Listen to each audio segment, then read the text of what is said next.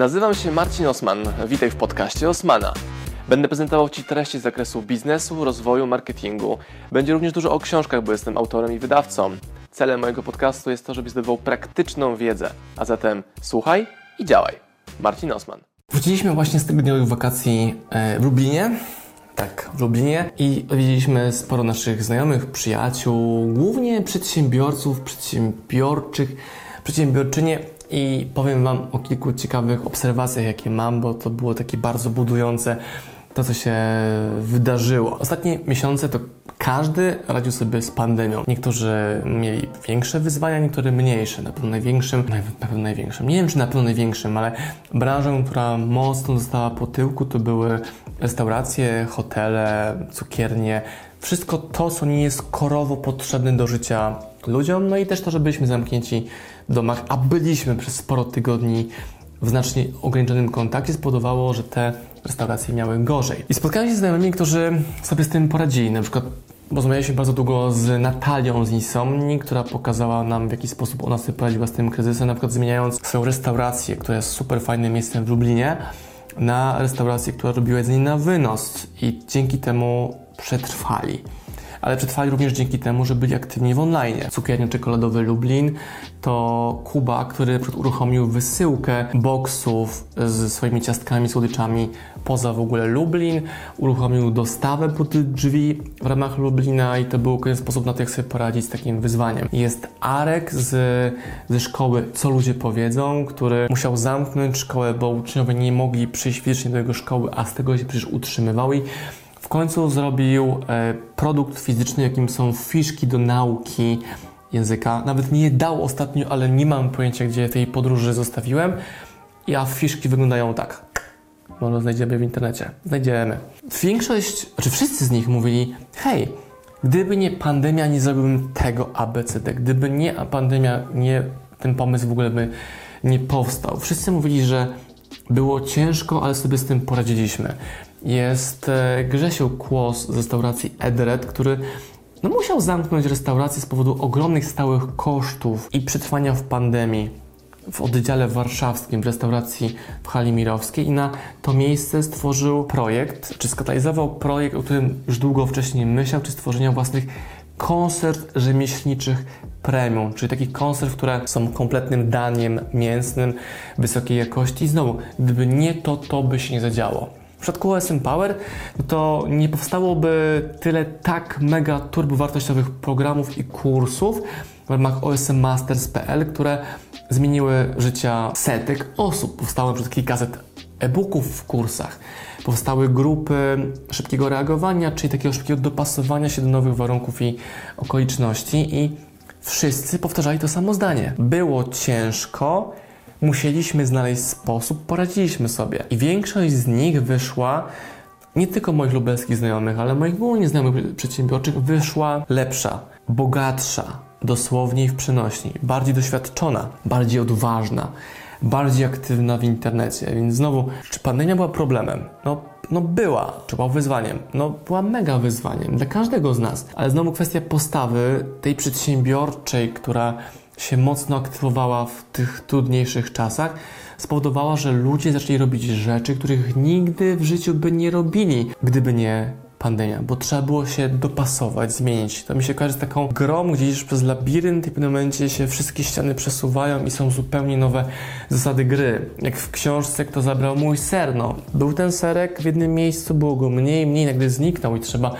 ubrać trampki i zapierdzielać, żeby ten nowy serek znaleźć jako metaforę nowego źródła sposobu zarabiania. Sporo z moich znajomych musiało zwolnić znaczną część swoich pracowników, ale dzięki temu zostali ci, czy zachowali tych, którzy naprawdę dowozili wartość do ich biznesu. Są również i tacy, którzy nic nie zrobili i musieli swoje biznesy zamknąć, ale to nie jest tak, że się położyli na amen, tylko uznali, wiecie co, pandemia pokazała mi, że ja naprawdę nie chciałem tego biznesu dłużej prowadzić. Teraz mogę powiedzieć, o, koronawirus, musiałem zamknąć i nikt z nich się nie będzie śmiał, ani nikomu się będą musieli tłumaczyć, po prostu mówią hasło hashtag koronawirus i dzięki temu mają święty spokój, mogli biznes zamknąć, mogli na przykład negocjować e, swoje należności, zwolnienia i tak dalej, i tak dalej. I rozpocząć nowe biznesy w zupełnie innej branży, albo pójść w bardziej takie branże czy pomysły biznesy, które bardziej odpowiadają, ale bać się tego zrobić, bo byli tak mocno uwikłani w swoje aktualne biznesy, że,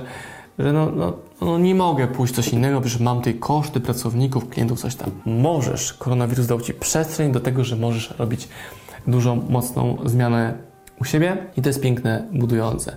Na szczęście nie mam żadnego znajomego, który by narzekał, jak to było ciężko, beznadziejnie, chujowo, trudno i tak dalej.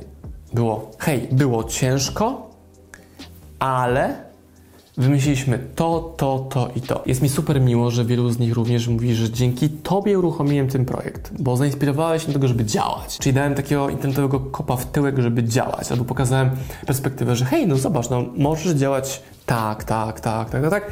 Masz nieskończoną liczbę opcji. Ja się mega cieszę to, że również my jako OSM Power i OSM Masters bardzo dobrze przez ten kryzys przeszliśmy. Trochę mówię, tak jakby on się skończył. No dobra, ale co będzie jesienią, zimą, a co będzie, jak będzie jeszcze gorzej? Ta myśl, że wszystko się może wypierdzielić, powoduje, że w inny sposób myślimy. Jest mniej stabilnie, więc koszt trzeba bardziej pilnować. Bardziej cenimy sprzedaż, bardziej cenimy marketing, bardziej cenimy marketing efektywnościowy, czy taki, który akcja wywołuje reakcję, czyli robisz akcję i ona przynosi klienta. No i znowu książka Sprzedawaj Więcej, o której mówię już od chyba trzech lat. Znalazł teraz idealny grunt do tego, aby się dziać. Znaczy, żeby ludzie po nią sięgali. Czego potrzebujesz? Potrzebuję sprzedaży. Nie pracowników, nie marketingu, nie lajków na Facebooku, tylko potrzebuję narzędzi do sprzedawania i konkretnego działania. Nie widziałem nigdy w historii świata tak dużej ilości webinarów, live'ów, które były realizowane po to, żeby mieć kontakt z klientem. Arex, co ludzie powiedzą, szkoła językowa, robi też webinar o swoich produktach, o tym, jak się uczyć języka, jak uczyć innych języka. Link poniżej pod tym wideo możesz sobie zobaczyć, kliknąć i poszukać tego, co on e, ma do zaoferowania. I nagle okazało się, że potrafimy w internecie komunikować zdalnie produkty, usługi, kampanie.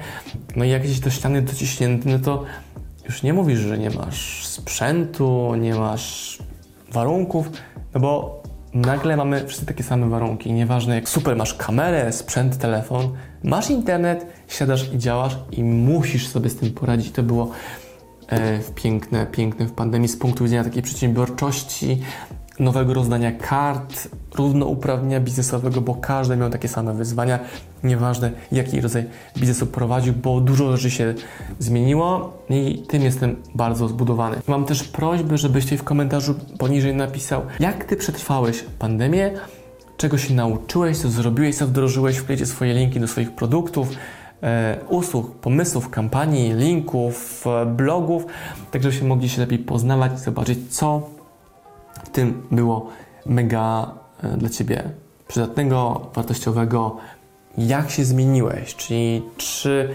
jesteś inny od tego 10, 12, 14 marca dzisiaj, czy też nie.